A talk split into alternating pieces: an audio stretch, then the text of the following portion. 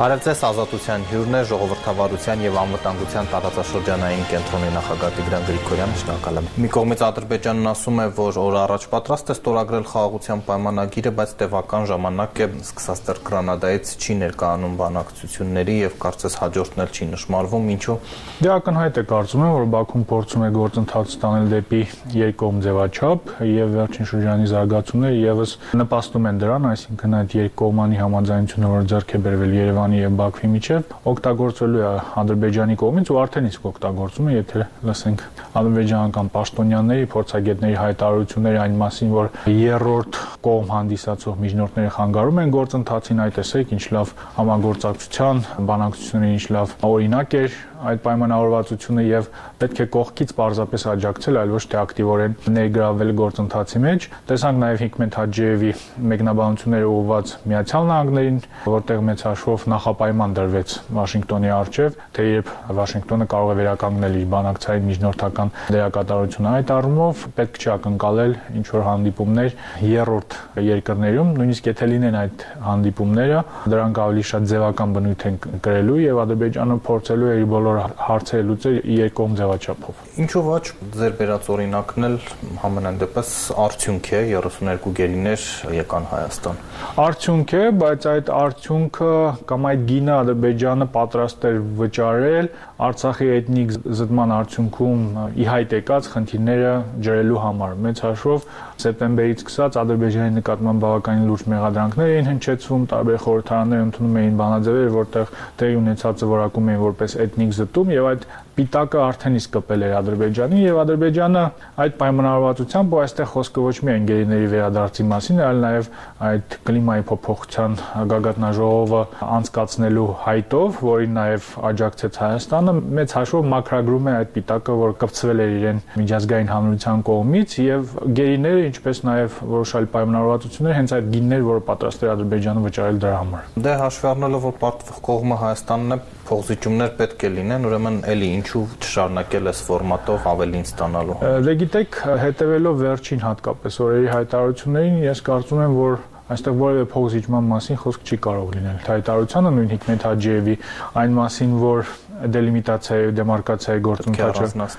պետք է առանձնացնել խաղաղության պայմանագրի օրակարգից, բայց այնպիսի տպավորություն է, որ Ադրբեջանը պարզապես փորձում է բոլոր խնդրահարույց հարցերը դուրս անել խաղաղության պայմանագրի օրակարգից։ Մինչ այդ Ղարաբաղի հարցն էր հիմնական խոչընդոտը համարվում, տեսանք թե ինչպես լուծեցին, իրականում մինչ այդ էլ կար համաձայնություն, որ պետք է տարանջատել այս երկու խնդիրները։ Հիմա ամենախնդրահարույց փաթեթը կարծես թե հենց սահմանային փաթեթն է եւ այստեղ եւս կարծես թե Բաքուն ձգտում է հանել այդ հարցը խաղաղության պայմանագրի օրակարգից կամ այդ հարցերում սկզբունքների շուրջ պայմանավորվածությունները խաղաղության պայմանագրի օրակարգից եւ եթե այս տրամաբանությամբ առաջ շարժվենք ստացվելու է որ պարզապես Հայաստանը բավարարելու է Ադրբեջանի բոլոր պահանջները լեգիտիմացնելու է այն ինչ տեղի ունեցել Լեռնային Ղարաբաղում եւ փոխարենը նույնիսկ այն մինիմալ անվտանգային երաշխիքները չի ստանալու կամ սահմանային հարցերում մինիմալ խնդիրներ չի լուծելու։ Իդեպ Երևանը սկզբունքորեն չի բացառում, որ կհամաձայնի այդ առաջարկին զատել սահմանագծումը խաղաղության պայմանագրից, ինչպես այսօր ազգային ժողովի նախագահն է ասել,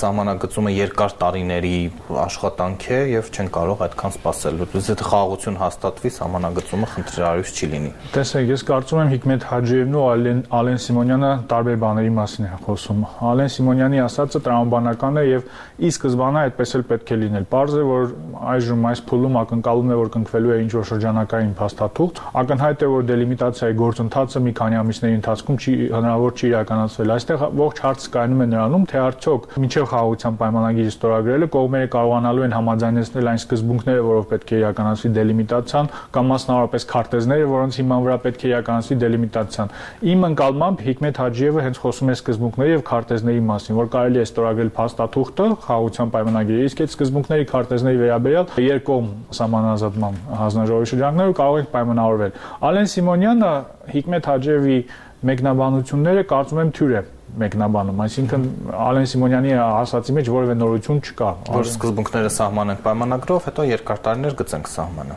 Այո, այսինքն դա հայկական կողմի դիրքորոշումն է, բայց այժմ կարծես թե Ադրբեջանը փորձում է նաև այս հարցը հանել օրակարգից խաղաղության պայմանագրի։ Հաջորդը եթե առանց միջնորդի վտանգավոր եք համարում, ով կարող է լինել այդ միջնորդը։ Դուք տեսնում եք այդպիսի նախաձեռնողականություն որևէ տեղից, որ ինչպես ասում են, երաշխավորի այդ խաղաղությունը։ Այստեղ երկու տարբեր հարցերի հետ գործ ունենք։ Միջնորդության ու երաշխավորի ինստիտուտի հետ։ Միջնորդի պարագայում տեսնում ենք, որ Միացյալ Նահանգները պատրաստակամություն են հայտնում ստանձնել այդ դերակատարությունը Վաշինգտոնի ակտիվությունը երևում էր նաև Արցախի էթնիկ զտմանը հաջորդած շրջանում Օբրայենի այցը Բաքու, որի նպատակը ակնհայտորեն այն էր, որպեսզի Ադրբեջանը վերադառնա բանակցային սեղան, կարծես թե այդ այցից հետո մեկնաբանությունները ամերիկյան կողմին բավականին լավատեսական էին, ասում էին, որ կոնստրուկտիվ կառուցողական մթնոլորտում են անցկացել բանակցությունները նշում էին նաև, որ այդ բարձրաշրջան պաշտոնյաները, որոնց այցերը Միացյալ Նահանգներ կասեցվել էին, կարող են իրականացնել այդ այցերի այդ հայտարարությունից հայտարարությունից կարելի է ենթադրել, որ Ադրբեջանը համաձայնություն տվել է մասնակցել Վաշինգտոնում արտգոսնախարարների հանդիպմանը, բայց Հիկմետ Հաջիևի Լոնդոնում արված վերջին հայտարարությունները կարծես թե այլ բանի մասին են խոսում, այսինքն այստեղ հստակ պահանջ կա Միացյալ Նահանգների նկատմամբ, որ պետք է մոտեցումը փոփոխվի եւ գործադիր իշխանությանը հենց ուղված։ Եվ միայն դրանից հետո կարող ենք խոսել ԱՄՆ միջնորդական դերի վերականգնման մասին։ Երաշխավորի կամ երաշիկների ինստիտուտի հարցում իրականում Ադրբեջանը կարծում եմ այստեղ եւս փորձում է սեփական օրակարգ առաջ տանել։ Եթե հետևենք ադրբեջանական իշխանամերձ փորձագետների վերջին շրջանի հրապարակումներին կարծես թե այս փուլում ադրբեջանական դիրքորոշումը այն է որ մենք կարող ենք պայմանավորվել ինչ որ մեխանիզմների շուրջ, բայց այդ մեխանիզմների մեջ պետք չպետք է ներառված լինեն մեծ տերությունները։ Մասնավորապես բերում են Բուդապեշտի այդ 94 թվականի համաձայնագրի օրինակը Ուկրաինայի ուկրաինական կոնտեքստում համատեքստում որ որևէ արդյունք չտվեց եւ նշում են որ ինչ որ նեյտրալ երկրներ կամ ինչ որ կազմակերպություններ որ նմանատիպ փորձ ունեն կարող են ներգրաված լինել այսինքն այս հարցում եւս հստակորեն առաջ են տանում այնպիսի մոտեցում, որ เป զի նվազեցնեն, մինիմալի հասցնեն խոշոր խաղացողների դերակատարությունը այդ հարցում։ Եվ ելի բերեն երկկողմի։ Դուք ինչ կասեք ռուսական միջնորդական հարթակի մասին, որը Երևանը մերժում է, արդյոք վարչապետի բացատրությունը վերջին լեգիտիմ չէր, որ ինչ արել են, չի աշխատել նոյեմբերի 9-ի թղթի օրինակը բերեց։ Այո, լեգիտիմ է ու այստեղ կարծում եմ մեծ հաշվով ադրբեջանական կողմի մոտ էլ այդպիսի մեծ շահագրգռվածություն չկա հենց ռուսական ձևաչափով բանակցելը, այսինքն իրենց համար եւս ավելի ձեռնտու է ինչպես արդեն նշեցինք երկկողմ ձևաչափով բանակցել, քան այլ այլ երրորդ կողմերի ներգրավվածությամբ, բայց այդ պետք է նաեւ հասկանալ, որ Ռուսաստանը առնվազն որոշ օրակարգերում ունի սեփական բավականին լավ ընդգծված տեսանելի դիրքորոշումներ։ Նույն ապաշրջափակման գործընթացի մասին եթե խոսում ենք, པարզ է, որ Մոսկվայի պատկերացումները ավելի շատ համահունչ են հենց Բաքվի պատկերացումների հետ, այսինքն ինչ որ ներկայություն են ցանկանում հենց ռուսաստանյան ուժերի սահմանապահ ծառայության զորքերի համար այդ կոմունիկացիայի վրա եւ այստեղ արդեն խոսքը երևի միջնորդության մասին չի գնում, այլ հստակ շահերի մասին, որ Ռուսաստանը փորձելու է առաջ տանել։ Այլ հարցերի պարագայում մեծ հաշվով այո, կարելի է համաձայնել, որ Ռուսաստանը ամբողջովին ձախողել է իր առաքելությունը Լեռնային Ղարաբաղում տեղի ունեցած վերջին իրադարձությունները որևէ վստահություն չեն թողել ինչպես հայաստանյան ու արցախյան հանրության մոտ, այնպես էլ ընդհանրապես Հայաստանի մոտ ռուսաստանյան երաշխիքների նկատմամբ, Ռուսաստանի դերակատարության նկատմամբ ու ինչ որ չափով դա տրամաբանական է, բայց մյուս կողմից իրավիճակը կարող է այնպես փոխվել, որ ինչ որ փուլում պարզապես կողմերը ստիպված են լինելու հանդուրժել Ռուսաստանի վերադարձը տարածաշրջան եւ Ռուսաստանի ավելի ավելի ակտիվ դերակատարություն այս գործընթացներում։ Մենք տեսնում ենք, որ Ուկրաինայում օրինակ պատերազմի տրամաբանությունը եւս ինչ որ չափով փոխվել է վերջին ամիսների ընթացքում ուկրաինական այդ հակահարձակման ձախողումից հետո։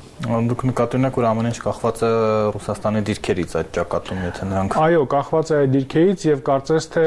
վերջին շրջանում հենց միտումը այն այնպիսին է, որ Ռուսաստանի դիրքերը ավելի շատ ամրապնդվում են, քան Թուլանում։ Եվ քանի Ռուսաստանի թեման բացվել է նաև հապկի մասին, դուք արդյոք արդյունավետ եք համարում այս բոյկոտի քաղաքականությունը։ Դե չգիտեմ ինչքանով է արդյունավետ, ինչքան ոչ։ Մեծ հաշվով པարզ է թե ինչ են փորձում անել Հայաստանի իշխանությունները, այսինքն մի կողմից կա անկալում, որ հապկից ֆորմալ առումով դուրս գալը կարմիր գիծ է Ռուսաստանի համար եւ հետևանքները կարող են շատ լուրջ լինել Հայաստանի համար։ Մյուս կողմից փորձ է կատարվում ցույց տալ արևմուտքին, որ տեսեք մենք դիստանցավորվել ենք ռուսական այդ ձևաչափերից եւ դե ֆակտո սառեցել ենք անդամակցությունը։ Երևի ինչ որ դիվիդենդներ տալիս է այդպիսի մոտեցումը նույն արեմուտքի հետ սերտացող հարաբերությունները, բայց ելի այսպիսի կիսադիրքորոշում է, որ բարձ չէ հիմա։ Ինչ ուղությամբ է Հայաստանը շարժվում։ Արդյոք արևմուտքը պատրաստ է տալ ավելին, եթե ասենք պայմանը հապկից դուրս գալն է օրինակ, եթե կա այդպեսի Ես չեմ կարծում, թե արևմուտքը այդպեսի պայման է դնում Հայաստանի առջև, ավելին կարող եմ ասել, հայտնի է հարցով զբաղվող բոլոր մասնագետների համար, որ ամիսներ առաջ առաջ հենց Միացյալ Նահանգներն էին խորհուրդ տվել Հայաստանի իշխանություններին չշտապել հապկից դուրս գալու հարցում, որովհետև հենց Միացյալ Նահանգները, ինչպես նաև ընդհանուր հավաքական արևմուտքը պատրաստ չէ ինչ-որ այլ ընտրանքներ առաջարկել, պատրաստ չէ կառավարել այն ռիսկերը, որոնք կարող են ծագել այդպիսի որոշման արդյունքում եւ այդ առումով այստեղ կարծես թե ավելի շատ ակտիվություն կա Հայաստանի ներսում որոշ շրջանակների մոտ, քան նույն Հայաստանի արևմտյան գործընկերների մոտ։ Դուք ունեք մտավախություն, որ